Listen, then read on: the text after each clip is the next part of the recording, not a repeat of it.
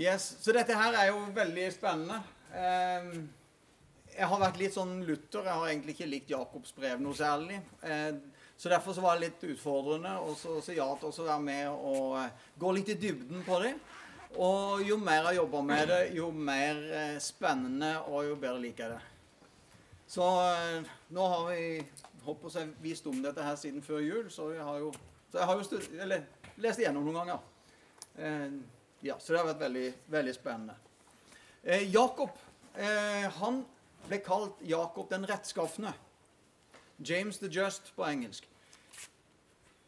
Han hadde et veldig bra rykte på seg. Eh, så var det en periode Det var ei lita eh, Velkommen. Så var det en lita glipe. Jeg husker ikke navnene på disse, de som var romerske ledere der i Jerusalem. Og når det var et par måneder, det var et gap fra den ene hadde reist, den andre kom. Og så fant ut at, jødene fant ut at nå må vi ta disse kristne. Så da tok de Jakob opp på det høyeste punktet på, på tempelet, der ikke sant, hvor Satan frista Jesus. Noe av det samme. Så ba de han nå må du si ifra det troa di. Nei, det ville han selvfølgelig ikke. Så dytta de han utfor, og han datt langt ned, ble liggende ned på steinene. Eh, Brukket masse. Men han var fremdeles i live. Så tok de og eh, steina han og hvor han da sier som Stefanus Tilgi de. For tilgi de, for de vet ikke hva de gjør. Og så fant de ut, mens de fremdeles holdt på å steine, så var det en da som i nåde fant ei klubbe og rett og slett knuste hodet på han for å redde han fra smerten. Etterpå, når de da tok han eh, og skulle begrave han, så fikk de se knærne på han. Og som de beskrev det da som elefantknær. Fordi at han hadde ligget så mye på kne og bedt. Så det er litt om bakgrunnen for den personen som har skrevet dette her. En som hadde ligget på kne på stein såpass mye at han fikk, fikk eh, kamelknær. Så det er, ja, det er litt av bakgrunnen. I tillegg så har, har det vært nevnt at temaene går igjen litt sånn, i, sånn sirkulært. Det er liksom eh, på skolen. ikke sant? Eh, etter hvert så lærer du pluss, minus og ganger. Neste år så lærer du pluss, minus og ganger, men så er det litt mer og litt mer og litt mer. Litt på samme måte. Og det var på en måte den, den rabbinske fortellerstilen. Hvor de sitter og forteller til disiplene sine. Litt etter impuls, og så kommer de innom det og så kommer de innom det. Ja, og så må vi si noe mer om det som de nettopp sa. Og dermed så ser vi det at de kommer innom dette her med de rike og fattige flere ganger. Kommer innom dette med tunga flere ganger. Og så kommer det litt mer, litt dypere, litt andre innfallsvinkler etter hvert.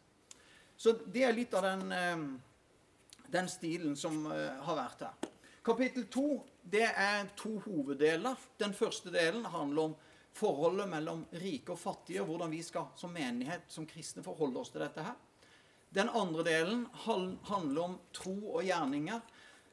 Og er nok Noen mener at dette er den mest omdiskuterte eh, delen av hele Nytestamentet. En av de aller mest omdiskuterte. Så det er liksom med ydmykhet jeg eh, skal prøve å gå igjennom og få litt mer lys over dette her.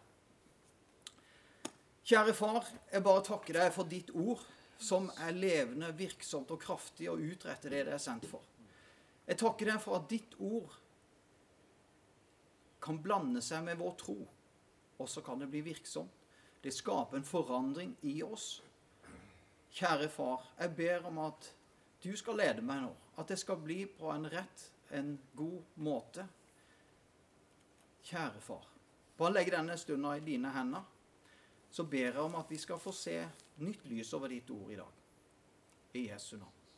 Amen. Yes.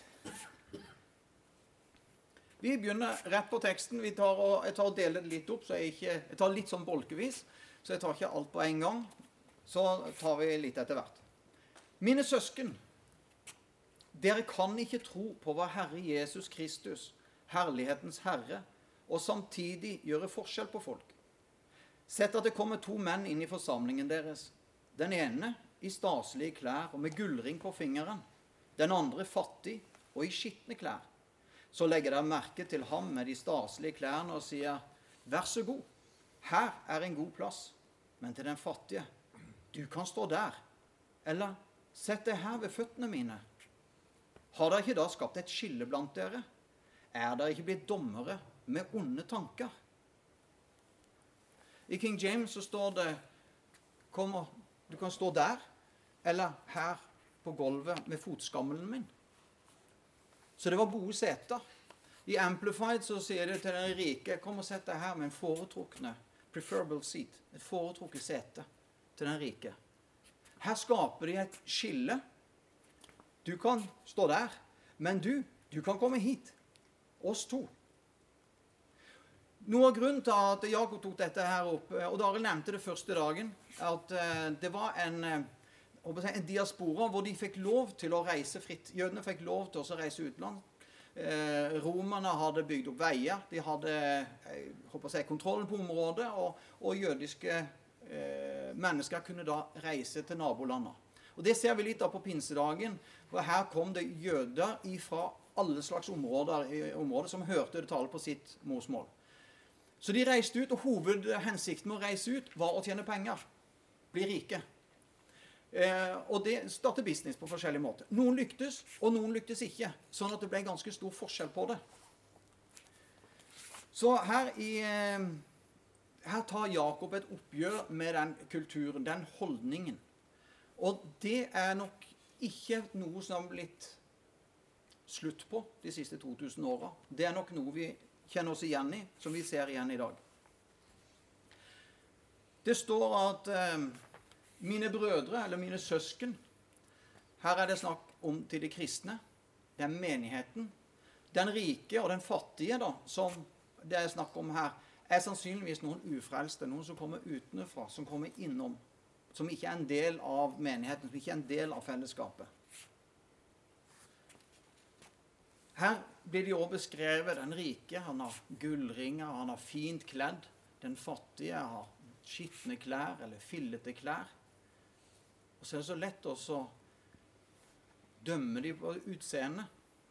Og ja, han ser sånn ut, og han ser sånn ut, eller hun går sånn. Og, og det var noe av det jeg opplevde.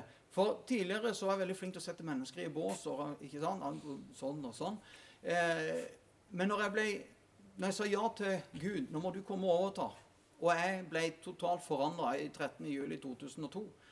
Eh, et år etterpå så begynte vi på bibelskole, og der var det all slags type mennesker. Noen kommer rett fra evangeliesenter, og noen eh, underviste på universitet. Og du på en måte hadde hele spekteret.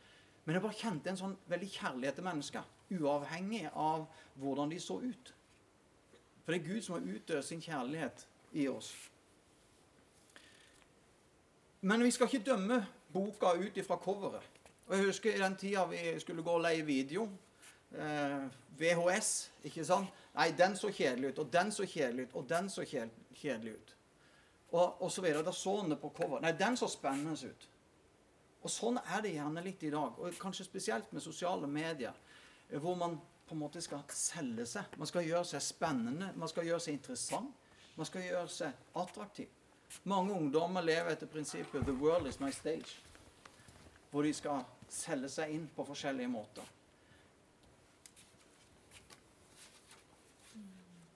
Men Bibelen snakker faktisk en del om dette her.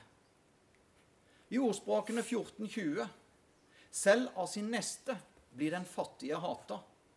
Mange er de som elsker den rike. Dette er det Salomo som har skrevet for mye mer enn 2000 år siden. Allikevel så ligger det noe i det menneskelige. Og jeg tror noe av det ligger What's in it for me? Ikke sant? Hva har jeg igjen for? Tenk hvis jeg blir sett ved siden av han. Det hadde vært litt kult. Jeg ville heller bli sett ved siden av han enn han. Så kan ikke du komme hit. Jeg, vi, vi, må ha kontrakten. Men nei, jeg, jeg er litt opptatt. Jeg har ikke tid. Mange smisker for storfolk. Alle er venner med den som gir gaver. Den fattige foraktes av alle sine slektninger. Til og med vennene hans holder seg borte. Han vil vinne dem med ord men de kommer ikke. Du ser her, her er det en eh, Det er menneskelig. Bare å rangere til å dømme mennesker. Og så kommer det et veldig sterkt ord. Den som spotter den fattige, håner han skaper. Gud har skapt oss alle. Den som håner den fattige Nei, den som spotter den fattige, håner han skaper. Gjør vi dette i dag? Jeg skal slippe å rekke opp hånda. Er vi tilbøyelige til å gjøre dette i dag? Åssen er det med oss som menighet? Gjør vi sånn i dag? Har du hørt? Han kom inn. Tenk så kult hvis han blir frelst. For han er jo rik. Tenk hvis han begynner å si til menigheten du, det hadde vært flott. Vi må stelle litt godt med han. Kan ikke dere ta oss og invitere han hjem til middag? Kan ikke dere? Ikke sant? Og så kommer det noen andre som vi vet kanskje ikke har det likedan. Så ja, vi kan jo alltids ta en prat. Litt sånn utfordrende på dette her. Eh, I Amplified så bruker de faktisk ordet 'snobbery'. Snobberi. Det med å løfte opp og gjøre forskjell på folk. Men så har vi 1. Samuel 16,7. For mennesket ser det som øynene ser, men Herren ser til hjertet. Når eh, profeten kom og skulle eh, salve David, så Ja, det her eldste Han er stor og sterk, og det er en bra kar, liksom. Nei. Og så går det da nedover, så til slutt til Ja, ja, vi har jo båndskaperen David, da. Han, eh, han er jo ikke lukter sau og noe greier. Det er ikke mye tak i han. Sitter bare der med harpa si og osv. Men det var en mann etter Guds hjerte. Ja, han dreit seg skikkelig ut, men det var en mann etter Guds hjerte. Josef, som vi ikke kan lese en eneste feil hos. Det står ikke det om han. Men David, det var en mann etter Guds hjerte. Selv om han gikk på flere blemmer. Gud gjør ikke forskjell på folk. Og på engelsk God is not in respect of people. Eller Ja. Det er omtrent sånn. Dette her med at Gud gjør ikke forskjell på folk. Vi gjør det. Og da står det i eh, Jakob 2,1.: Dere kan ikke tro på hva Herre Jesus Kristus, herlighetens Herre, og samtidig gjøre forskjell på folk. Fordi det handler ikke bare om å tro på Jesus. Tro at han døde, eller de fire faktatingene vi tror om Jesus. Jo, at Gud sendte Jesus til jorda for å dø og betale for vår synd. At han ble begravd. At han ble oppreist den tredje dag. Og ved å tro på disse tre faktaene, så kan vi bli Guds barn. Så blir vi født på ny. Det er en fakta men så står det i Apostelgjerningen 2,38, eller vers 36, når Peter står fram på pinsedag, så sier han Jesus Kristus, han som dere korsfester han snakker jo til jødene, har Gud oppreist til Herre og Frelser. Ikke bare Frelser. Det er veldig mange, tror jeg, i dag, ikke her, men mange andre steder, i andre menigheter, tror jeg, mange kristne som tenker på ja, vi har Jesus som frelser, men har vi han som Herre? Har vi Jesus som Herre i vårt liv? Og har vi Jesus som Herre, så kan vi ikke gjøre forskjell på folk, for da må vi bli alt det sin Herre likt. Har vi oss sjøl som Herre i livet, eller har vi Jesus som Herre i livet? Det å ha Jesus som Herre i livet, det handler om å avlyde Han. Det handler om å gjøre det Han ba oss om å gjøre. Og da begynner det å bli utfordrende når vi begynner. Og vi skal se mer om det når vi kommer tilbake til andre del om tro og gjerninger. Men det at vi blir født på ny Hvorfor? Jo, fordi at vi er født ut ifra Adams ett. Med en syndig natur, med en fallen natur og en død ånd. Så blir vi født på ny. Ikke av forgjengelig sæd, men av Guds ord.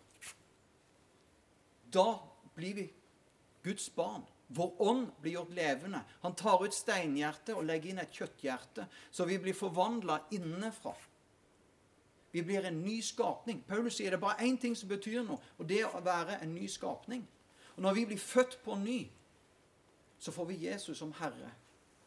Men det er et valg. Vil vi leve sånn som Han ber oss om å leve?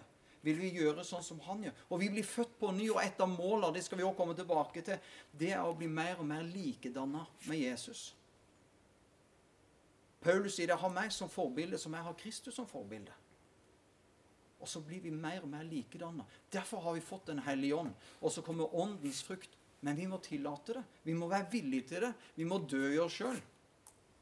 Nå hører jeg nå er jeg langt over grensa fra eh, undervisning til forkynnelse, men eh, jeg bare Ja.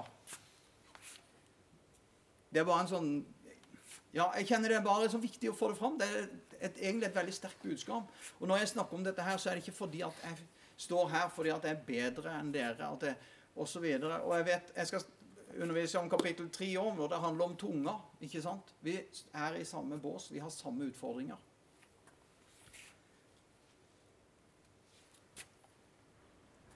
Og Jesus som Herre, hva er det Jesus sier for noe? I Lukas 14, 12-14. Når du skal ha gjester til middag eller kveldsmåltid, da skal du ikke be venner eller søsken eller slektninger eller rike naboer for de kommer til å be deg igjen.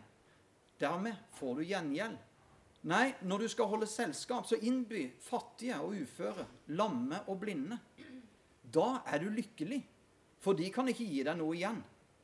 Men du skal få lønn for dette når de rettferdige står opp fra de døde. Her sier faktisk Jesus at ikke inviter de rike, de som er nå. For når de inviterer deg tilbake igjen, så får du på en måte lønna di. Men du skal invitere de fattige, de utenfor samfunnet, de som ikke andre bryr seg om. Hvordan var det Jesus møtte andre mennesker? Med kvinnen med brønnen. Jesus var selvfølgelig en profet, det vet vi. Gud hadde ledet ham. ånd hadde ledet ham til denne brønnen for en hensikt. Og Så gikk disiplene inn til landsbyen, for, eller inn til byen for å kjøpe mat. Og der kommer denne dama som var på utsida av samfunnet. Som kom dit midt på dagen når ingen andre gikk der. Fordi at hun ville ikke holde ut, eller orka ikke disse blikka, og orka ikke den baktalingen. Og så møter Jesus henne. Og han kunne løfte en pekefinger, han kunne løfte to pekefingre og irettesatte for måten hun levde på. Men så begynner han å fortelle, begynner å snakke om vannet. Og hadde du visst hvem som snakka til deg, så hadde du spurt meg om ikke jeg kan gi deg levende vann. Og så sier han, og så sier han til henne Ta så Gå og hent mannen din. Nei, jeg har ikke noen mann, sier hun. Og så kunne Mange hadde nok vært frista til å si Yes! Det har du helt rett i. Du er, lever sånn og sånn og sånn. Nei, men Jesus sa ikke det. Han gikk ned, han løfta opp, han ga og verdien tilbake. Du snakker sant. Det er jo ærlig. Det er bra. Og så løfta han opp, ga henne verdigheten, og så gikk hun tilbake igjen til byen. Jeg har møtt en mann, han forteller meg om livet mitt. Det kan ikke være han som profetene forteller. Og så kom byen ut, og vekkelsen brøt ut, og mange ble frelst. Hun som ble grepet i hor, de hadde tenkt jo at nå har vi Jesus. Nå har vi tatt ham. Jesus bøyer seg ned, skriver noe på bakken. Og mange snakker om at dette, eller Noen tenker at dette var på sanden. Nei, men dette var på tempelplassen. Det var stein. Den Guds finger skrev på stein. Hva var det som var hogd og inngravert på stein? Så reiser han seg. Den som er uten synd, kan kaste den første steinen. Så bøyer han seg ned, skriver han en gang til. For det er to tavler. Og så forsvant de. De eldste først. Og så når han da reiser seg, så står hun igjen. Så sier han heller, Hvor gikk de hen? Nei, de gikk, sa hun. Det er ingen igjen. Så sier han heller ikke jeg fordømmer deg. Gå bort og synd ikke mer. Og når hun kunne ta imot ingen fordømmelse fra Jesus, så kunne hun klare å leve over synd. For det står det i Romerne 5,17 at den som tar imot nådens og rettferdighetsgavens overveldende rikdom, skal herske i dette livet ved den ene Jesus Kristus. Så når hun kunne ta imot nådens og rettferdighetsgaven av Jesus, så kunne hun herske videre. Men det er fullt mulig å ta det på en annen måte som jeg ofte har hørt. Ja, nå ble hun tilgitt, men nå må du passe på at du ikke synder noe mer. Men heller ikke jeg fordømmer det. Gå bort og synd ikke mer. Sakkeus han var jo en av disse her utslåtte. Vi kjenner historien. 'Jeg vil spise sammen med deg'. Det står ingenting om at Jesus irettesatte Sakkeus. Vet du hva? Du driver og stjeler og svindler og lurer andre. Det er jo ikke rart at folk ikke liker deg. Vet du hva? Det her må du slutte med. Kanskje han hadde sagt ok, jeg skal gi noe tilbake. Han gjorde ikke det. Han møtte Jesus. Han møtte den respekten, han møtte verdigheten, han møtte kjærligheten til Jesus. Det forvandla hele han. Jeg skal gi dobbelt. Jeg skal gi tre ganger tilbake. Jeg tror ikke det hadde skjedd hvis Jesus hadde løfta pekefingeren og sagt vet du hva, det der må du slutte med. Ta oss og gå tilbake. Holder det med 10% 20 da. Jeg strekker meg ikke lenger enn det. Nei, det var to ganger, tre ganger tilbake. Jesus gikk til de spedalske, som ingen andre turte å være hos. Og den rike unge mannen som kommer til Jesus 'Gode mester.' Det hadde vært lett for Jesus. 'Ja, ja, jeg er ikke så verst.' Men han avslørte smisken med en gang. Bare parkerte. 'Kaller du meg god?' Det er bare én som er god, og det er Far i himmelen. Ikke kom her og smisk med meg. Bare parkerte det med en gang. Det kan være lett å ta imot smisk. Det kan være lett å Og så videre. Så dette er Jesus, som er vårt forbilde.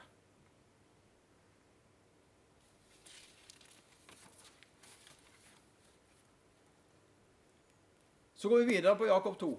Vi er tross alt ferdig med fire vers. Hør, mine kjære søsken, har ikke Gud utvalgt de fattige i verden til å være rike i troen og til å arve det riket han har lovet til den som elsker han? Men dere har forakta den fattige. Er det ikke de rike som undertrykker dere og drar dere fram for retten? Og er det ikke de som spotter det gode navnet som er nevnt over dere? I dag så tenkte jeg litt på dette her. De rike? Nei, kanskje ikke nødvendigvis de rike. Det, altså, det høres ut som Jakob har veldig mye imot de rike. Men det er imot denne holdningen til å skille mennesker, til å gjøre forskjell på folk, som han egentlig har noe imot. Men i dag så tenker jeg hvem er det som kjemper imot evangeliet? Hvem er det som er negativ til evangeliet? Og Jeg skrev opp en liten liste her. Vi har akademia. De som har lært noe, de som har studert, de som er vise i seg sjøl. Leser vi Romerne 1 og så litt utover. De, I seg sjøl så er de vise, men de er, de er dårer, osv. Vi har den sosiale eliten. Vi har media, ikke minst. Vi har kanskje kjendiser og trendsettere osv. Og, og det har jeg tenkt litt på um, i forhold til Snåsamann. Men det, Der var det en del kjendiser som gikk fram at de hadde vært her. Men jeg har aldri hørt han snakke om Jesus. Det er bare en sånn re liten refleksjon. Han snakker om han der oppe. Han snakker om Gud, men han snakker ikke om Jesus. Men Og så videre. Yes. Mange rike har sin trygghet i egen styrke, sine penger osv. Men da er de egentlig ganske fattige. For det kan de ikke ta med seg. Men de fattige de har ikke så mye av sitt eget til å ha sin identitet i. De har en arv der foran. Det er den de tenker på. Så hva som enn skjer her, så har de en arv i himmelen. En skatt i himmelen.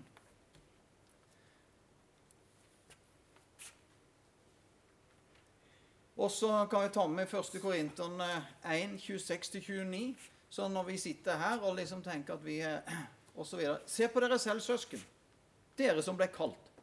Ikke mange vise etter menneskelige mål, og ikke mange med makt eller av fornem slekt. Men det som i verdens øyne er dårskap, det utvalgte Gud for å gjøre de vise til skamme. Og det som, øyne, eh, som, i verdens øyne er svakt, det utvalgte Gud for å gjøre det sterke til skamme. Ja, det som i verdens øyne står lavt, det som blir forakta, det som ikke er noe, det utvalgte Gud til å gjøre til intet det som er noe, for at ingen mennesker skal ha noe å være stolt av overfor Gud. Vi har alle en avtale i framtida, og det er å stå foran Gud. Og vi har ingenting i oss sjøl som vi kan skryte av, som vi kan legge fram. Uansett hva vi har prestert her på denne jorda. Eneste grunnen, eneste vi kan stå der og legge fram for ham, det er troen på Jesus det fullbrakte verket som Jesus har gjort. Det er det eneste vi kan komme med. Så er det også en domstol hvor vi kan komme med de gjerningene vi har gjort. Og så setter han fyr på det, og så brenner det opp. Det som vi har gjort i egen kraft, det som vi har gjort, og det skal vi snakke litt mer om, forskjellige typer gjerninger, det vil brenne opp. Men det vi har gjort fordi Gud har bedt oss om å gjøre det, det vi har gjort i tro, i lydighet, det vil bli ligge igjen som gull.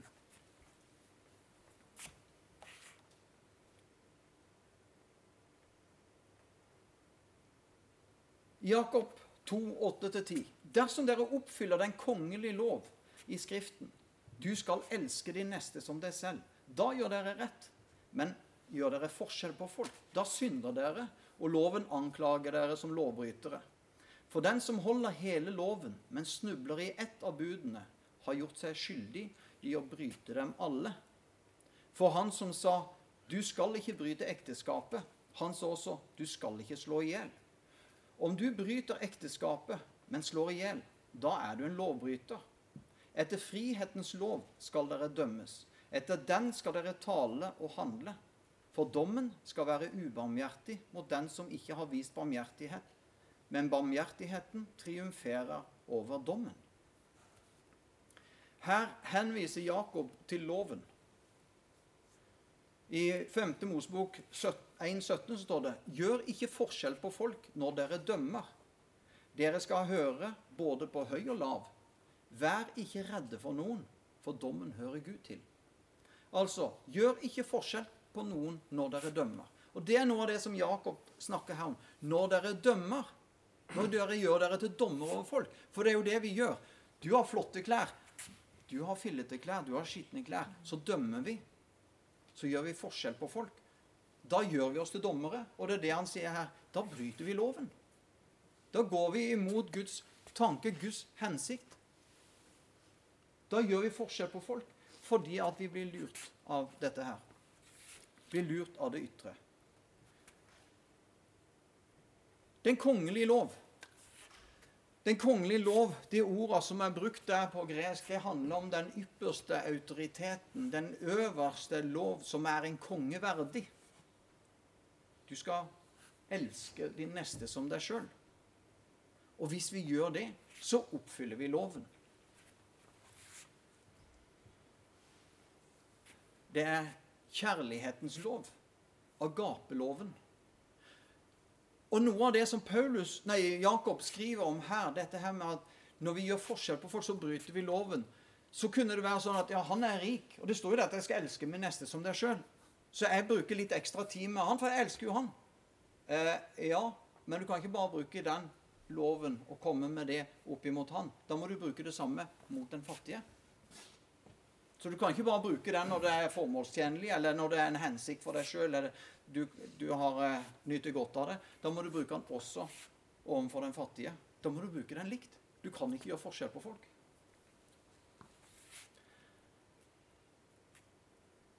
Frihetens lov.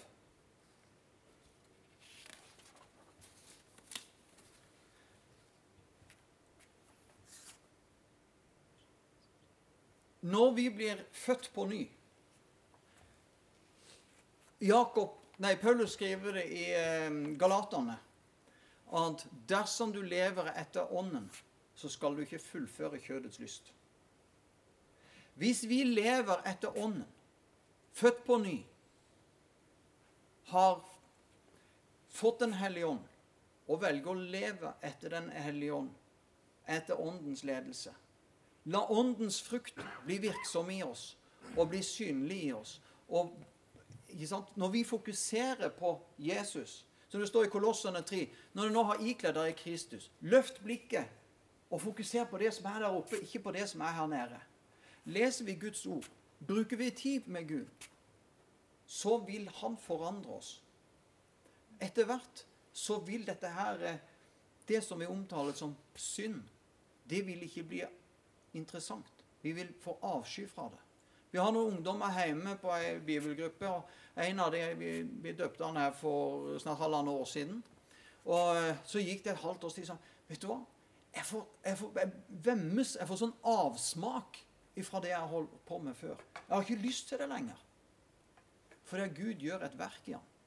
Og når vi da er født på ny og lever etter ånd, så er det frihet. Det er kraften til å leve sånn som vi bør. Da fokuserer vi ikke på synd lenger.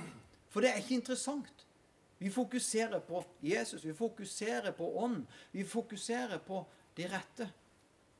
Istedenfor 'nå må jeg ikke gå i grøfta', 'nå må jeg ikke gå i grøfta', 'nå må jeg ikke gå i grøfta'. Så går vi i grøfta. Men på den måten så kan vi si at vet du hva? Vi, skal, vi bør egentlig komme dit at vet du hva, vi kan gjøre det vi vil. Istedenfor mange der 'Å, stakkars du som er kristen, du kan jo ikke gjøre sånn som du vil.' Du kan egentlig ikke gjøre noen ting som er gøy. Da kan si, vet du hva, jeg kan med handa på hjertet si at jeg kan gjøre det jeg vil. Fordi at jeg har ikke lyst til å gå imot Guds vilje. For det vet jeg Altså, den gjelda er betalt med overpris. Men det er ikke bra for meg å synde. Det vil gå ut over relasjonen jeg har til Karine, kona mi. Det vil gå ut over relasjonen til ungene. Det vil gå ut over jeg håper å si, meg sjøl. Hvis jeg velger å leve mot Guds ønske, mot Hans vilje. Jeg ønsker jo ikke det. Jeg har vært der. Men jeg ønsker ikke å vende tilbake til mitt gamle spy, osv., som det står skrevet. Men åndens frukt er kjærlighet, glede, fred, overbærenhet, vennlighet, godhet, trofasthet, ydmykhet og selvbeherskelse. Slike ting rammes ikke av loven. Og Når Paul, nei, Jakob snakker om her at har du brutt ett bud i loven, så er du en lovbryter. Så det er det samme som, altså, Loven kom som et komplett system. Det var ikke sånn at vi kan velge å, eller jødene da kunne velge å følge deg loven, men ikke deg. Nei, det var litt kjipe. Vi, vi følger heller disse her, for det er litt lettere. Nei, enten følger du loven, eller så følger du den ikke. På samme måte har vi trafikkloven. Veitrafikkloven. Hvis jeg blir stoppa fordi at jeg ikke, eller fordi at jeg kjører på rødt lys, så nytter det ikke å si ja, men jeg kjører med sikkerhetsbelte, jeg bruker ikke mobiltelefon, jeg følger alltid fartsgrensa. Sorry. Du stopper ikke på det røde lyset. Du er en lovbryter, vil politiet si. Ja, men jeg stoppa på alle de andre røde lysa når jeg kjørte gjennom byen. Sorry, det hjelper ikke. Du brøt dette, dette budet her. Du kjørte på rødt lys. Så har du brutt loven, så har du brutt loven. Det på, altså Jeg bruker av og til bilde hvis du har et svært sånn stuevindu, to lags glass, ikke sant, svært panoramavindu, så kan du enten lage et hull med en laser, eller du kan kjøre en traktor gjennom det. Vinduet er ødelagt. Så lenge du har punktert det, så er det ødelagt. Og Sånn er det med, med loven òg.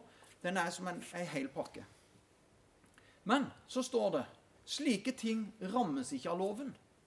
Og hvis jeg kommer kjørende tidlig en søndags morgen, og så står, det, står politiet der og stopper, og så er det fram med alkometeret jeg har ikke smakt en eh, Jeg hadde en utfordring med alkohol tidligere. Og ikke klarte å begrense det og styre det. Det ble liksom alltid for mye. Så, men etter jeg sa ja til Gud, så fra sommeren 2002 så har jeg ikke smakt en dråpe alkohol. For jeg ønsker ikke å gå tilbake til det. Og det er en fantastisk frihet. Eh, fordi jeg er, ikke den typen som liksom kan Det samme med kaffe. Jeg slutta med det for sju år siden pga. helse. Eller bror min har bekkdrev, og han fått beskjed om at han måtte slutte med kaffe. Så, for det garvesyra setter seg i ledda og gjør at du stivner. Så tenkte jeg ok, jeg var litt stiv i ryggen, så kutta jeg ut kaffen. og eh, for han sa det, Legen sa at jeg kunne jo ha en, en, halv kopp kaffe til dagen. tenkte jeg, Glem det. Det går ikke. Når skal jeg ta den koppen? Er det til morgenen, eller etter lunsj, eller etter middag? osv. Glem det. Så det, det er mye lettere å si jeg, drikker ikke. Sånn er det med alkohol òg, og det er en fantastisk frihet for meg. Eh, så hvis politiet står der og kommer med alkometeret, så kan jeg takke Vet du hva? Så bra innsats dere gjør. Jeg trenger ikke å begynne å kaldsvette, for jeg vet at jeg kan puste i den der. For jeg har ingenting å bli tatt på. Og så kan jeg si det er en bra jobb dere gjør. Dere gjør veiene våre trygge. Dere er med oss og gjør det trygt for oss å kjøre her. Med at dere får sila ut de som ikke bør være på veien. Fordi at jeg, jeg har en god samvittighet når det gjelder det. Yes.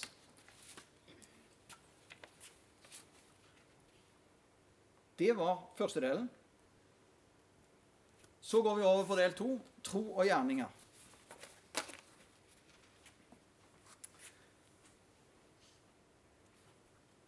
Hva hjelper det søsken om noen sier at han har tro, når han ikke har gjerninger? Kan vel troen frelse ham? Sett at en bror eller søster ikke har klær og mangler mat for dagen, og en av dere sier til dem, gå i fred, Hold dere varme og spis dere mette. Hva hjelper det dersom dere ikke gir dem det kroppen trenger? Slik er det også med troen. I seg selv, uten gjerninger, er den død. Og der står det i eh, Jeg har en sånn norsk oversettelse direkte fra King James 1611. så står det slik, i vers 17 Slik er det også med troen. Hvis den ikke har gjerninger, er den død ved at den er alene.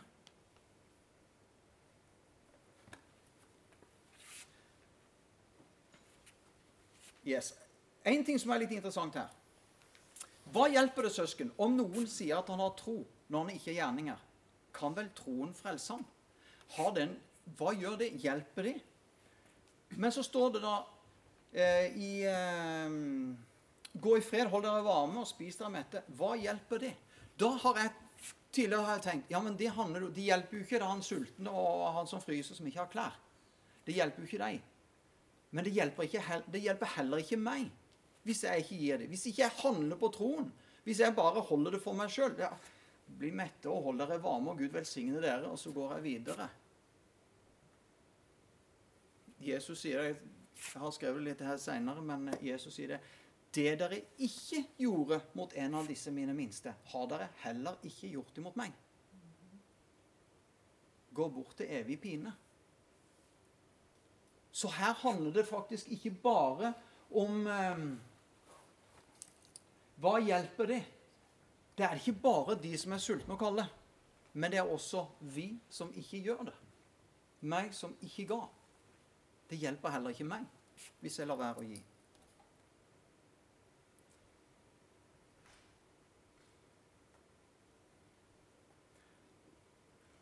Den delen her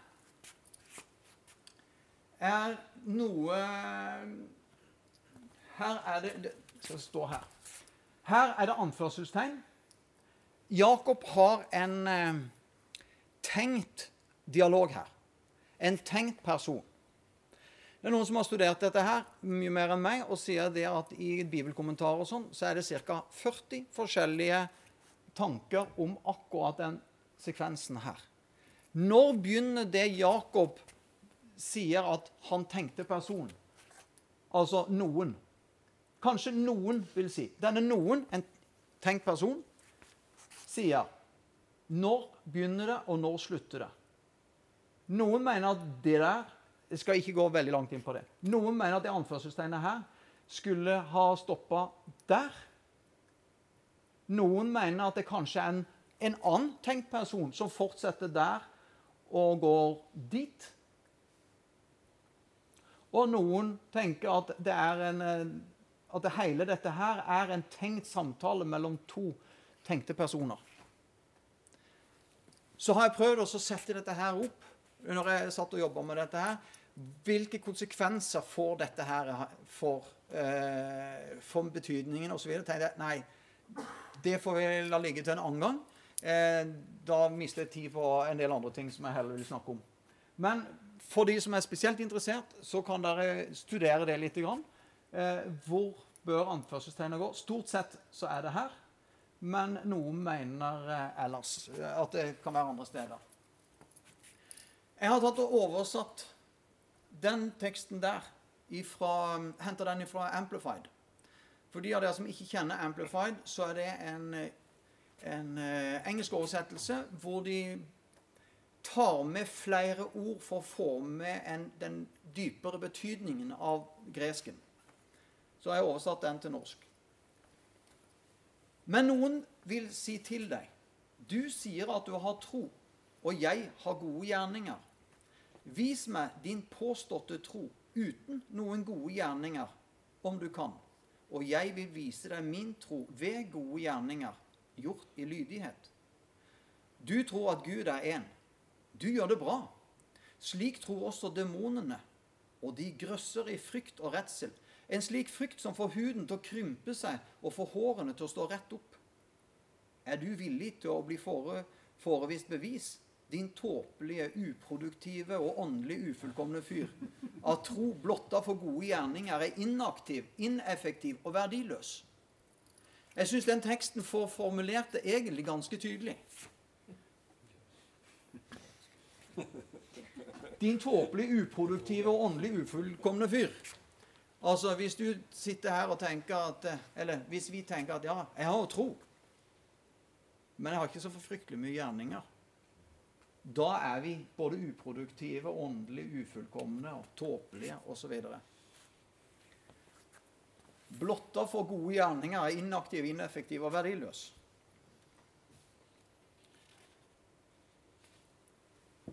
Min påstand er at mange, jeg tror mange kristne har en hodetro. Sånn som jeg sa her innledningsvis. Vi tror på faktaen at ja, Jesus er Guds sønn. Han døde, han sto opp igjen. Og vi kan bli frelst ved å tro på det. Men i Romerne 10, vers 9 og 10 så står det at dersom vi med hjertet tror Så vi, mange har en hodetro. Vi, for vi, vi, tenker mye med hodet her oppe. Vi er kanskje ikke så følelsesmennesker alle, vi er oppe i kalde nå. Men når vi bare tenker med hodet, så tror jeg ikke at det får det samme utslaget. Vi må få tro ned hit. For det at når vi blir født på ny, så kommer troen ned i hjertet. Og så vil det forandre oss innenfra, sånn at vi begynner å å handle annerledes. Vi begynner å oppføre oss annerledes. Men det er mange Altså, Jeg kalte meg sjøl for kristen. Jeg vokste opp i en kristen hjem. Jeg kalte meg for kristen. Jeg trodde på Jesus. Jeg trodde på alt dette her. Jeg trodde han gikk på vannet og mata 5000, at han helbreda folk, vekte opp døde, at han døde, ble korsfesta for våre synder, at han ble begravd og sto opp igjen. Jeg trodde på alt dette her. Men som jeg sier, hvis jeg hadde blitt arrestert fordi at jeg var kristen, så hadde det ikke vært nok bevis til å få meg dømt. Hvorfor det? Jo, for livet mitt var ikke henhold til troen min. Jeg kunne sitte og drikke og forsvare troen min. Til og med min ufrelste nabo han konfirmerte meg skikkelig. Jeg satt rett ovenfor eh, ei dame. Jeg skal ikke si hvem det er, men hun går i menigheten her. Eh, så sitter jeg og drikker og gir bursdagen til naboen. Og så spør jeg liksom, 'Hvorfor drikker ikke du?' spør jeg. Så kommer for navn. 'Nei, hun er kristen.' Ja, sier jeg liksom litt skamfull. Ja, det er jo jeg òg, men det står ikke noe i Bibelen at en ikke kan drikke. Vet du hva, sier han? Det er et ord som beskriver det. Eh, ja vel, sier jeg. Din hykler, sier han. Setter han fingeren i meg. Og så gikk det halvannet år, og så kom jeg på bibelskole. og så, når jeg var hjemme i høstferien, så stakk jeg bortom. 'Husker du hva du sa på den festen?' Nei, det kunne han ikke huske. Så fortalte jeg historien og sa takk for at du sa det. Det var ingen andre som sa det. Men oh, det stakk. Var med på å gjøre en prosess.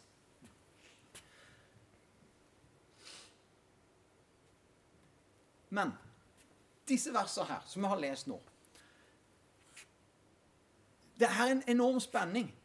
For når vi da leser Paulus og galaterne, så står det at vi blir rettferdiggjort ved tro. Ikke av gjerninger, for at ingen skal ha noe å rose seg av. Jeg har lest masse Paulus, og jeg har vært veldig glad i Paulus, for han er jo forteller om nåde og rettferdiggjort av tro og ikke av gjerninger og greier. Det er fantastisk bra. Vi, åh, alt er med Jesus, og vi trenger ikke osv. Og når jeg begynte å se dette med nåden etter et eh, par år på bibelskole, så begynte jeg å bli sliten. Gud, det må være noe jeg ikke har sett. Og så fikk jeg undervisning, så begynte jeg å se av dette her med nåden. Men da var det noen som misforsto. Tenkte ah, det er nåde. Jeg kjente på det òg. Ja, men da trenger jeg jo ikke det. Det er jo bare nåde. Da trenger jeg jo egentlig ikke å gjøre så mye. Det er jo bare nåde. Men så gikk det en liten stund, og så tenkte jeg ja, OK, men det er nåde. Men hva nå? Ut ifra den nåden så må vi jo begynne å handle. Vi, jo, vi har fått den nåden. Vi har ikke bare fått den for at vi skal sitte, vi har fått den nåden fordi at vi skal begynne å handle i tro. Vi så noen som ikke kom lenger enn at det var nåde. Det gikk ikke så bra med alle.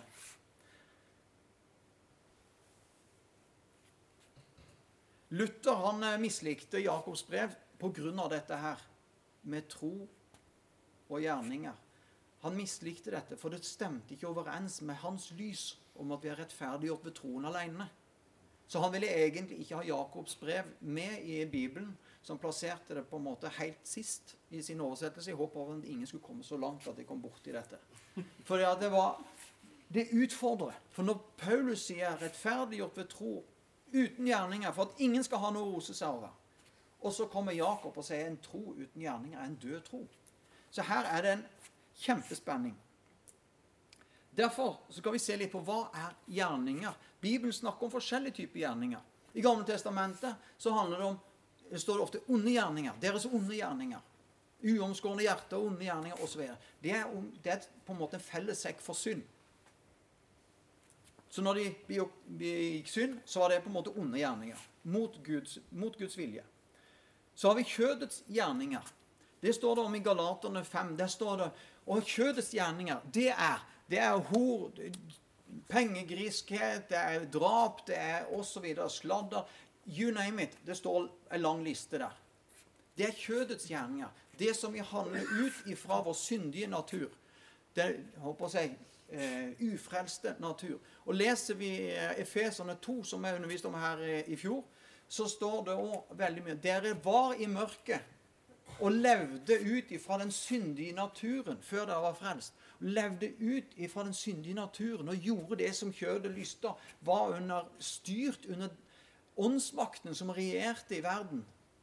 Eller regjerer i verden. Men nå er det tatt ut av mørket og satt over i lyset. Nå har Gud frelst oss. Så det er kjødets gjerninger. Så når Paulus snakker om at ingen blir rettferdiggjort av lovgjerninger, som loven krever, så var jo Paulus, som han skriver sjøl når han på en måte forteller om sitt liv Jeg gikk lenger enn de fleste, egentlig alle, på min alder. Han, han var den som klatra lengst og opp og lengst ut i stillaset. Det var han som tok det til det ytterste med å følge loven. Og han skriver til og med at i henhold til loven så var jeg rettferdig, skriver han. For loven sa det at du må gjøre sånn og sånn og sånn og sånn, og sånn, og sånn, og du må ikke gjøre sånn og sånn. Så i teorien så var loven en mulig vei til rettferdiggjørelse. Og Paulus gjorde det. Men Jesus han parkerte det jo. Det er som hvitkalka graver. Det er flott å se på utsida, det gjør alt rett, men inni så er det full av død. Jesus la ikke noe imellom. Ormeyngel. Det har djevelen til far, sa han. Men Paulus var en av de som tok det enda lenger. Eller tok det lengst av de alle. Det er lovgjerninger som loven krever. Så i Hebreerne 6,1 så står det skal vi igjen legge grunnvollen med omvendelse fra døde gjerninger. Tro på Gud, læren om dåpene. Det står vannbadet mange, men det står egentlig dåpene i flertall. Håndspåleggelse, evig dom. Eh, dødes oppstandelse og evig dom. Seks grunnleggende lærdom der i Hebreerne 6. Der står det døde gjerninger. Hva er så det? Er det synd? Nei. Det er det vi gjør som ikke kommer fra et omvendt hjerte. Altså et hjerte som har omvendt seg til Gud, som vet vi har tatt imot frelse. Og så handler vi. Døde gjerninger er det vi gjør for at vi ønsker at Gud skal bli mer fornøyd med oss. Ting vi gjør fordi at vi tror at det er rett. Ting vi gjør fordi at håper si, folk skal like meg bedre.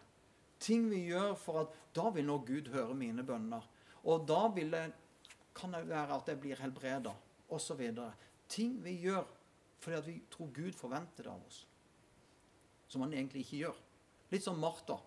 Martha drev og lagde eplekake vet du, til Jesus. Og skjønte, han, skjønte, hun egentlig ikke at han ikke likte eplekake. Og det er litt dumt når vi kommer til himmelen og sier vet du hva, Jesus, jeg har lagd eplekake for deg hele livet. liksom Jeg har virkelig stått på.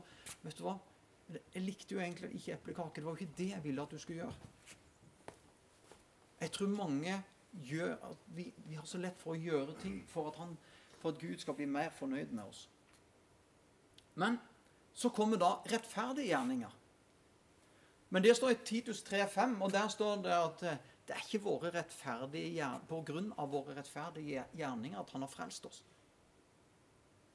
Det står i Gammeltestamentet, jeg husker ikke helt eh, skriftstedet, men det står at våre rettferdige gjerninger det er som ei skitten tøyfille. På grunnteksten så er det egentlig brukt menstruasjonsfille. For å se det rett ut. Det er på en måte våre egne rettferdige gjerninger som vi kommer til Gud med. Hvis vi kommer med, så, Når vi gjør så godt vi kan, for at Gud skal være fornøyd. Vi kommer i egen kraft. Så er det sånn Gud ser på det. Vet du hva? Vi kan ikke komme med noen ting i oss sjøl. Men Efeserne 2,10 snakker om gode gjerninger. Vi er Guds skaperverk. Skapt til gode gjerninger som han på forhånd har gjort klart, sånn at vi kan vandre i dem. Det er noe annet. Vi er ikke frelst ved gode gjerninger. Men vi er frelst til gode gjerninger. Det er de gjerningene vi gjør fordi at Gud leder oss. Det er de gjerningene vi gjør ut ifra kjærlighet til Gud, kjærlighet til mennesker. Det er gode gjerninger.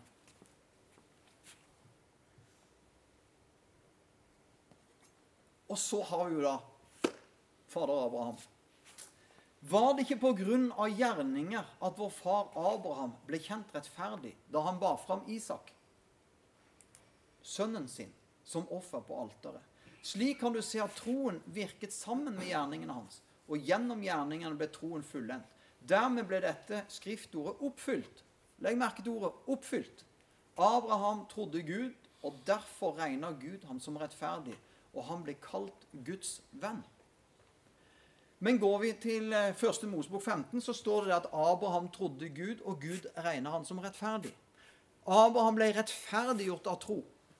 Men når Abraham var rettferdig, posisjonen hans, identiteten hans var rettferdig overfor Gud, så begynte han å handle på tro. Så begynte han å ta troskritt. Han reiste ut fra Uri i Kaldea. Han forlot Karan. Han forlot flott hus. På den tida så hadde de til og med innlagt varme i husa. Med, med, som flott peis og osv. Dette forlot han for å leve i telt resten av livet. Han reiste, han forlot dette trygge, sikre i tro. Og når han da reiste ut, han ble kjent rettferdig, så handla han på troen i lydighet. For tro er å Ja, vi skal se litt på det etterpå. Men tro er ikke bare å tenke eller ha en tro. Det er litt mer enn det. Men han oppfylte rettferdigheten. Når han var rettferdig, så ut ifra sin rettferdige posisjon så handla han rettferdig, så gjorde han rettferdige gjerninger. På samme måte så når vi var ufrelst, eller folk som er ufrelst De er ikke ufrelst fordi, eller de er ikke syndere fordi at de gjør synd. Men de gjør synd fordi at de er syndere. På samme måte som når vi blir gjort rettferdig, så gjør vi rettferdige gjerninger. Da gjør vi gode gjerninger. Fordi at vår identitet er rettferdig. Derfor så er det så viktig å vite hvordan vår identitet er i Kristus. Ikke i meg sjøl, men i Kristus. Jeg har tatt imot nådens og rettferdighetsgavens overveldende rikdom. Ikke fordi at jeg er så god, men fordi at Gud er kjærlighet. Han sendte Jesus sånn at vi kan ta imot dette her i nåde. Jeg liker òg godt den uh, King James-oversettelsen hvor det står 'tro uten gjerninger'. Hvor står det 'faith without action'. Ikke works, ikke deeds, men action. Så hvis vi sier det på norsk, så blir det 'tro uten handling'. Så blir det bedre enn tro uten gjerning. Fordi at vi har så mange tanker om gjerning, noe vi må gjøre, noe plikt, og noe vi skylder noen å gjøre, osv., osv. Men tro uten handling. Faith without action. For vi kan ikke bare sitte og si at vi tror, vi tror, vi tror. Den troen som kommer i hjertet, som er gitt av Gud, for troen er også en gave fra Gud, den vil gi seg utslag i gjerning. Hvis ikke, så er han ikke der.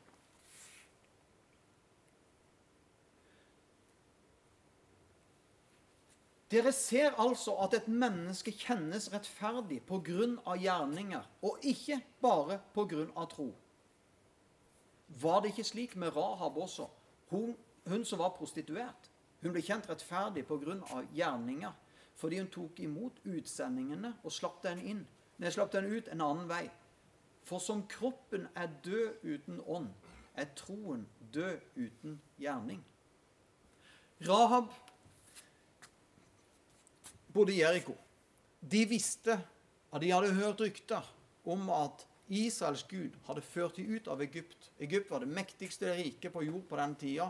Farao var den mektigste på, på, jorda. Og det står til og med at Gud hadde reist han opp. Gud hadde gitt farao makt fordi at han skulle vise sin makt på farao. Fordi at Det hadde ikke vært det samme om Gud hadde utfleid israelsfolket fra en eller annen liten avkrok. Men dette her var verdens senter. Med det mektigste riket, med mektigste hersker, mektigste hær. Og allikevel så var Javé, Israels gud, var sterkere og kunne ta dem ut.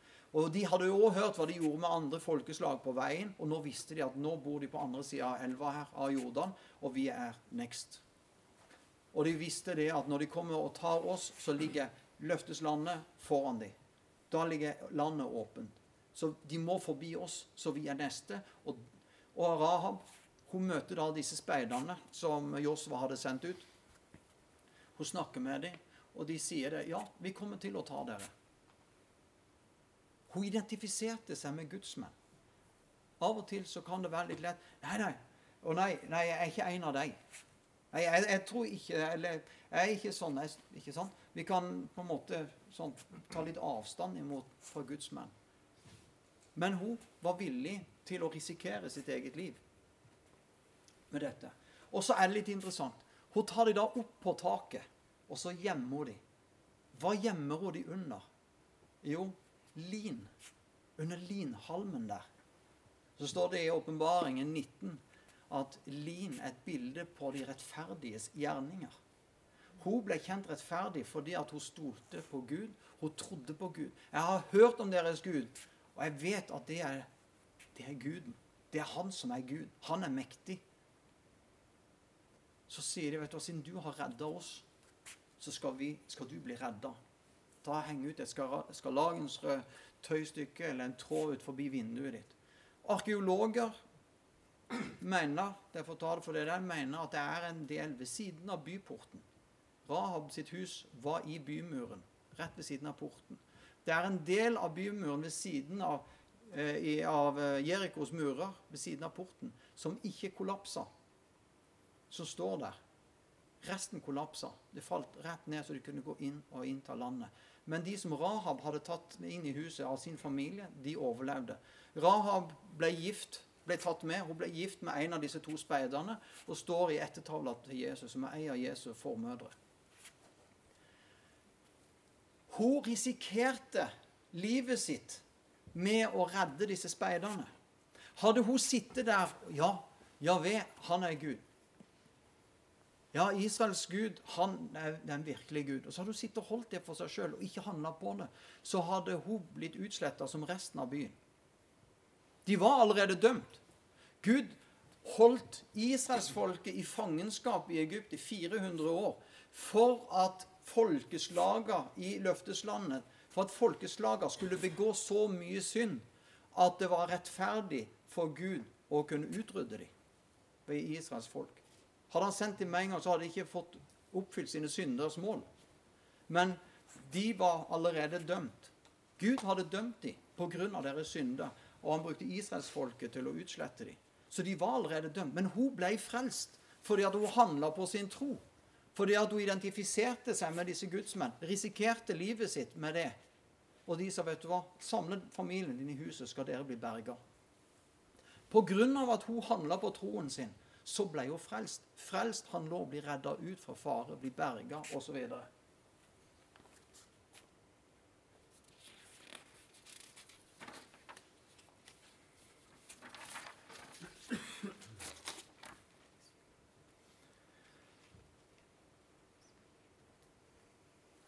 Kvinnen som hadde blodsykdom, hun hadde hørt om Jesus. Hun trodde, hun talte. Bare jeg kan komme bort og nå fliken av kappen hans, så vil jeg bli helbreda. Og så handla hun. Og det var òg med livet som innsats. Hadde hun bare sittet hjemme og trodd, så hadde ikke hun blitt helbreda. Men hun handla på den troen hun hadde, nådde Jesu kappeflik og ble helbreda. Jakob han snakker ikke om den hodetroen, han snakker om den troen som forvandler oss innenfra. Guds tro.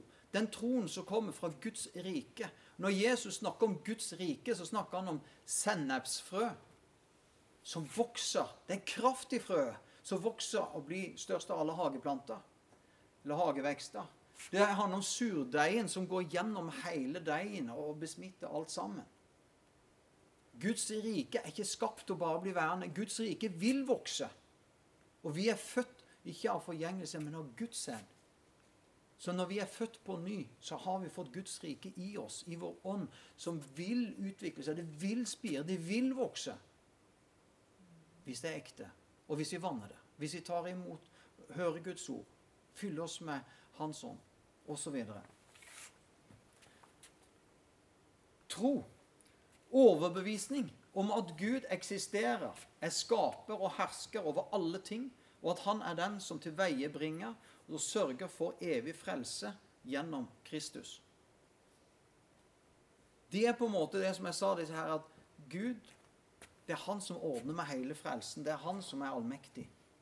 I tillegg så handler det om å ha en tillit til Gud og Kristus. Så dette med tillit er også viktig. Har vi virkelig tillit? Tror vi virkelig på at Guds ord er sant? I tillegg så er det en avhengighet av Kristus for frelse. Vi kan ikke frelse oss sjøl. Vi er helt avhengig av Jesus. Og hvordan får vi da denne troen? Jo, troen kommer av Guds ord. Det står at troen kommer av forkynnelsen, og forkynnelsen av Guds ord. Så hvis forkynnelsen ikke er fra Guds ord, så vil heller ikke troen være i henhold til Guds ord. Og på samme måte som troen kommer av det vi hører, så kommer også vantroen av det vi hører. Nå i disse koronatider Ja, vi skal ta det på alvor, alvor og ta det seriøst. Det er ikke det jeg mener. Men den frykten som folk får av dette her, kan kanskje være vel så farlig som selve sykdommen. Når eh, fugleinfluensa kom, så var det Andrew Womack, amerikansk bibellærer. Han var i England og han hørte på BBC, hvor de sendte i beste sendetid med en av sine spesialister. BBC er jo kjent som en eh, seriøs eh, TV-kanal. eller mediehus, for å si det sånn. Så de hadde da fått inn en spesialist på pandemier. Og han sa at dette, altså fugleinfluensa, er den største krisa menneskeheten har stått overfor. Vi må regne med kanskje to til tre Nei, én til to tredjedeler av verdens befolkning kommer til å dø av det. Så går det tre år. Så tar Wormaker så tar han en undersøkelse. Hvor mange som var det egentlig som omkom eller døde direkte av fugleinfluensa? Jeg tror tallet var under 40 worldwide. Men hvor mange fikk frykt pga. dette her? Akkurat da jobba jeg på en barnevernsinstitusjon, og vi hadde en han var livredd for fugl. og så han, en, han så en død fugl og frika helt ut. Han var livredd for alt av fugler. Så Poenget var vantroen kommer også av det vi hører. Så hva er det du låner øret ditt til? Hva er det vi fyller oss med? Fyller vi oss med frykt? Fyller vi oss med vantro? Eller hører vi på de som taler Guds ord, de som forkynner tro, sånn at troen kan vokse og bli sterkere?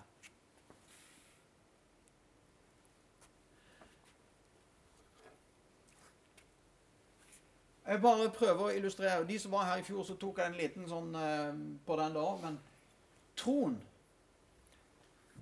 hva er tro?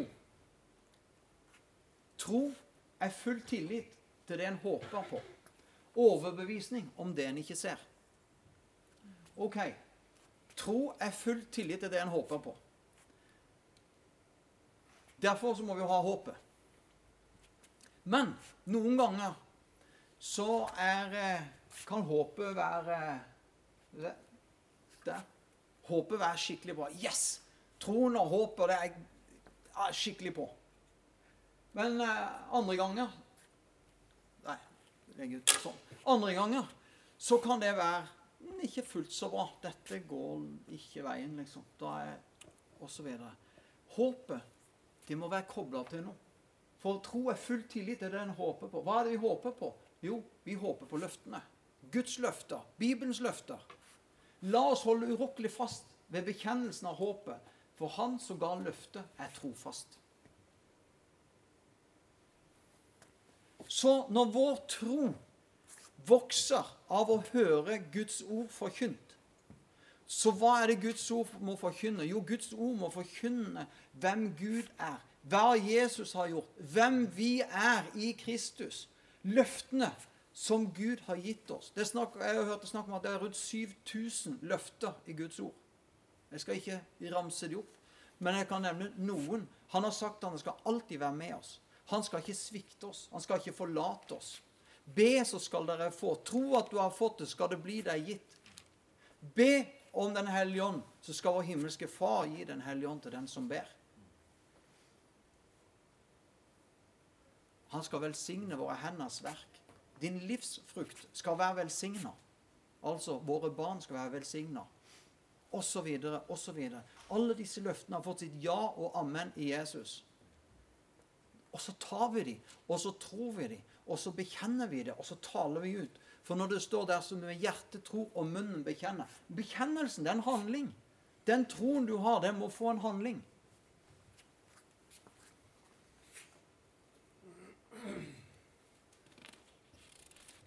Hvis vi ser i um, eh, Hebreerne 11,1 Jeg trenger ikke å slå opp. Men dette med tro er full visshet, det er jo innledningsverset. Hebreerne 11 er jo troskapitlet fremfor noen. Og hvis vi tenker at tro er en passiv greie, så er tro en det er handling. Å tro. Men troen kan være substantiv. Men å tro er et verb. Det er å handle. Og så, jeg bare, sånn For moro skyld så gikk jeg gjennom, så står det Ved tro bar Abel fram et offer. Ved tro bygger Noah arken. Ved tro adlyd Abraham. Ved tro oppholdt Abraham seg i løfteslandet. Ved tro velsigna Isak.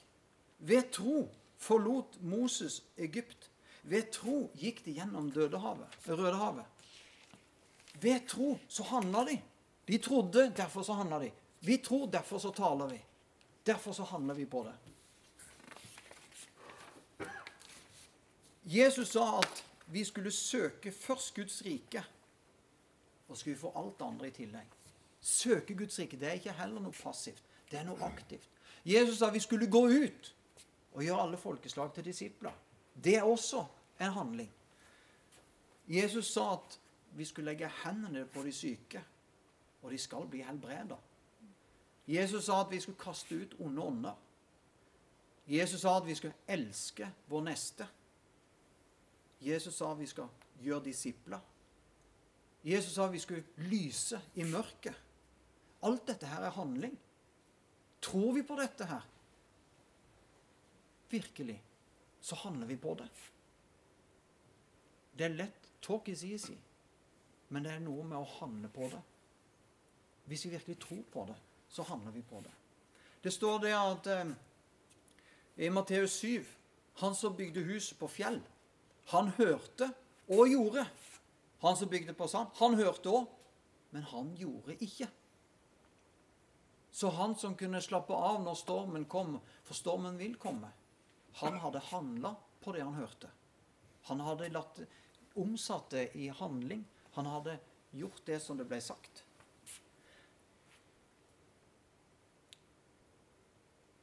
Paulus og Jakob Tilsynelatende ser det ut som det spriker. Paulus snakker om det, hvordan vi kan ta imot rettferdigheten ved en frelsende tro. En tro som kommer til frelse og fører til en omvendelse. Til å ta imot rettferdighet. Jakob snakker mer om ok, nå er du rettferdig, men nå må du leve det ut. Så det er ingen motsetning her. Paulus snakker veldig tydelig om gjerninger. Jeg begynte også eh, Jeg er litt, litt, litt norsklærere òg, og der er det noe som heter imperativ, altså bydeform.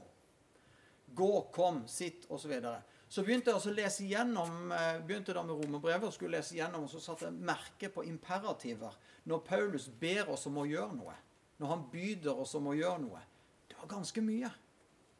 Når du kommer til Kolossene, Kolossene 3 Altså Avkle dere. Ikle dere. Dø de syndige lystne hos dere. Legg av, osv. Dette er handling. Det er ikke bare ja, kom bare ja, Gud, nå kommer du komme og ordne. Nei, det er ting vi må gjøre. Ved Guds nåde så kan vi gjøre dette. Paulus sier det. 'Jeg har jobba mer enn de alle', sier han. Nei, ikke meg, men Guds nåde i meg som har virka. Så det er ikke i egen kraft. Når vi skal gå i ferdiglagte gjerninger som han på forhånd har lagt, så er det ikke et krav, det er ikke et strev. Begynner det å bli et strev, så må vi kanskje stoppe opp. Oi, kanskje jeg skal gå en annen retning. Kanskje dette her butte kanskje ikke var helt rett. Um, yes. En siste illustrasjon her. Tro, altså jo høyere opp, jo høyere, sterkere tro, og tida.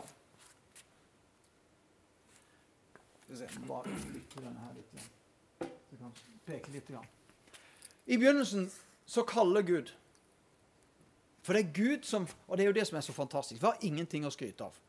For det er det Gud som får oss til å begynne å tenke på ham. Det er Gud som begynner å kalle oss, sånn at vi begynner å stille litt spørsmål om Gud. Det er Gud som sender mennesker til oss og begynner å fortelle om han, og det er Gud som gjør at vi i det hele tatt begynner å tro på han. Så alt sammen kommer fra Gud. Så kommer vi til et punkt hvor vi tar imot. Og hva er det Paulus nei, Peter sier når han står på pinsedag. Fordi at når Jesus, nei, Peter sier Jesus Kristus, han som dere korsfesta, har Gud oppreist deg Herre og Frelser. Og så stakk det dem i hjertet. Når du hører undervisning som stikker deg litt i hjertet, så har du to valg. Enten går over Du, jeg likte ikke han. Eh, der. Han var så skarp. Jeg likte ikke den måten han underviste på. Han var litt, han var litt sånn hard. Eller han var litt sånn ivrig. Nei, det, jeg gidder ikke høre på han noe mer. Eller så tar du et skritt fram. Hva er det du har som ikke jeg har? Åssen har du fått tak i det? Og det står det da i neste vers. Apostelgjerningen 2,37 så står det det at så spurte de brødrene hva skal vi gjøre.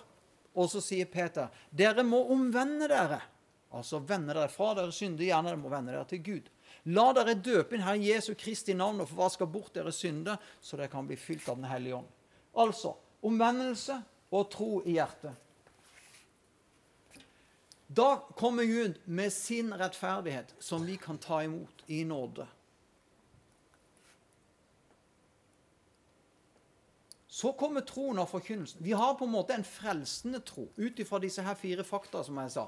Men så kommer jo da troen etter hvert som vi lærer Guds ord å kjenne, lærer Jesus å kjenne, lærer Den hellige ånd. Hvem er Gud? Hvem er han egentlig? Hvor er jeg i alt dette her?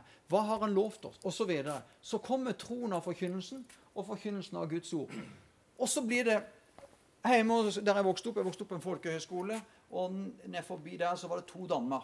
Vi visste hvor det var djupt, og vi visste hvor det var såpass djupt. Og sånn. Og når det da begynte å fryse på, utpå høsten, når det ennå var vintre og kuldegrader, så så var det alltid liksom spennende å være den første til å sjekke om isen var Men det var litt spennende, for vi, vi, visste hvor det, hvor det var grunt, men vi ble blaute på beina. Og akkurat den følelsen når vi gikk igjennom, det var det sånn lite rush. Men så var det liksom også gå og kjenne Ikke sant? Ja, det. Og så kunne de andre komme. Sånn er det med troen nå. I begynnelsen så var det Gud som sa det? Var det han som sa at jeg skulle gå og spørre Gjøre om jeg kunne be for han? Var det han som sa at jeg skulle gå og si noe hyggelig til naboen? Var det han som sa at jeg skulle reise til Thailand? Var det han som sa osv. osv.?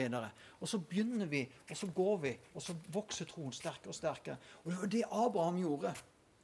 Han vandra i tro. Og det står det at vi som tror er Abrahams barn, vi som vandrer i samme tro, vi som vandrer i fotsporene etter Abraham ikke sant? Og han handla på dette her til det ultimate, hvor han ofra sin egen sønn. Og det er òg en sånn her nuggets. Fordi at Abraham og Gud de hadde inngått en pakt. En blodspakt. Og en pakt handler jo, det er jo noe helt annet enn en kontrakt i dag. Pakt, hvis vi og Jørn hadde inngått en pakt, så for det første, hvis jeg trengte noe og Jørn hadde, så kunne jeg gå og hente det hos han. Og vice versa. Men hvis Jørund var villig til å gå så langt for meg, så måtte jeg være villig til å gå like langt for han. Så når Gud testa Abraham, så står det at Gud sa til Abraham du skal ofre sønnen din, som du er så glad i. Så står det Tidlig neste morgen sto Abraham opp og begynte å gjøre seg klar, og de reiste. Det står ikke at han måtte faste og be i tre uker, han måtte vente på fire bekreftelser osv. Nei, tidlig neste morgen så sto han opp, og han gikk. Og så står det der når han står der klar til å sette kniven i Isak, så sa han, 'Stopp! Vent!' Så sier Gud, 'Nå vet jeg at du frykter meg.' Nå vet jeg at du frykter meg. Og siden Abraham var villig til å gå så langt at han ville ofre sin sønn, eller var villig til å ofre sin sønn, så måtte Gud gå så langt at han ofra sin sønn. På samme Moriafjellet. Halleluja. Det, det glapp ut. Beklager. Hvis det, var noen som, var noen som tok anstøt av det. Men det er bare helt fantastisk. Du ser denne parallellen her. Abraham var villig til å ofre sin sønn, og dermed så måtte Gud komme og ofre sin sønn i kjærlighet til oss. Når vi da er rettferdig og livet videre her, så ser Gud oss som rettferdig fra vi er frelst og født på ny på grunn av troen på Jesus. Når vi handler, så vokser troen. Og troen vokser. Å handle på troen både bekrefter, oppfyller og styrker vår tro sånn at den vokser. Vi går i ferdiglagte gjerninger, ikke i døde gjerninger. Ikke i egen kraft, men når Gud kaller oss, når vi opplever ja, sånn og sånn og sånn Enten han taler gjennom sitt ord, eller taler direkte, og vi våger å handle på det. Troen vokser, og så går vi da fra melk til fast føde. Det står det i Hebreerne 5. Etter tida skulle det vært lærer hele gjengen, men siden det er så trege til å forstå, så trenger dere fremdeles melk. For fast føde, det er de som har kunnskap om rettferdsord. De som er kommet så langt at de begynner å forstå dette her med rettferdigheten. og forstår dette her, Da begynner vi å spise fast føde. I begynnelsen så handler det om at Jesus kom og døde, og vi kan bli Guds barn osv. Men når vi vokser i tro, så må vi få fast føde sånn vi kan vokse på. Vi kan ikke dreve og leve på morsmelkstillegg når vi er, har vært frelst i mange år. Yes. Og så står det her stadig mer frelst. Jo, her blir vi frelst. For frelse, det betyr mange ting. Redda ut ifra, satt over i noe nytt, berga osv. Her blir vi frelst. Men så blir sjelen mer og mer frelst. Vi blir mer og mer likedanna med Kristus. Vi blir mer og mer modne. Åndens frukter osv. Så videre, sånn at vi endelig frelst, og vi kommer inn i evigheten. Den dagen vi dør. Så når Bibelen snakker om at vi er frelst, og så skal vi få frelsen, og så skal vi arbeide på vår frelse osv., så, videre, så er dette på en måte en, ja, en illustrasjon. Vi blir frelst for å bli stadig mer frelst, for en gang å bli endelig frelst. Så måtte jeg ha med den. En tro uten handling er en død tro. Vi kommer oss ikke oppover stigen her. Og Når det er snakk om stige, så er det ikke Guds karrierestige. Men det er det å handle og vokse i den troen vi har, ut ifra der vi står.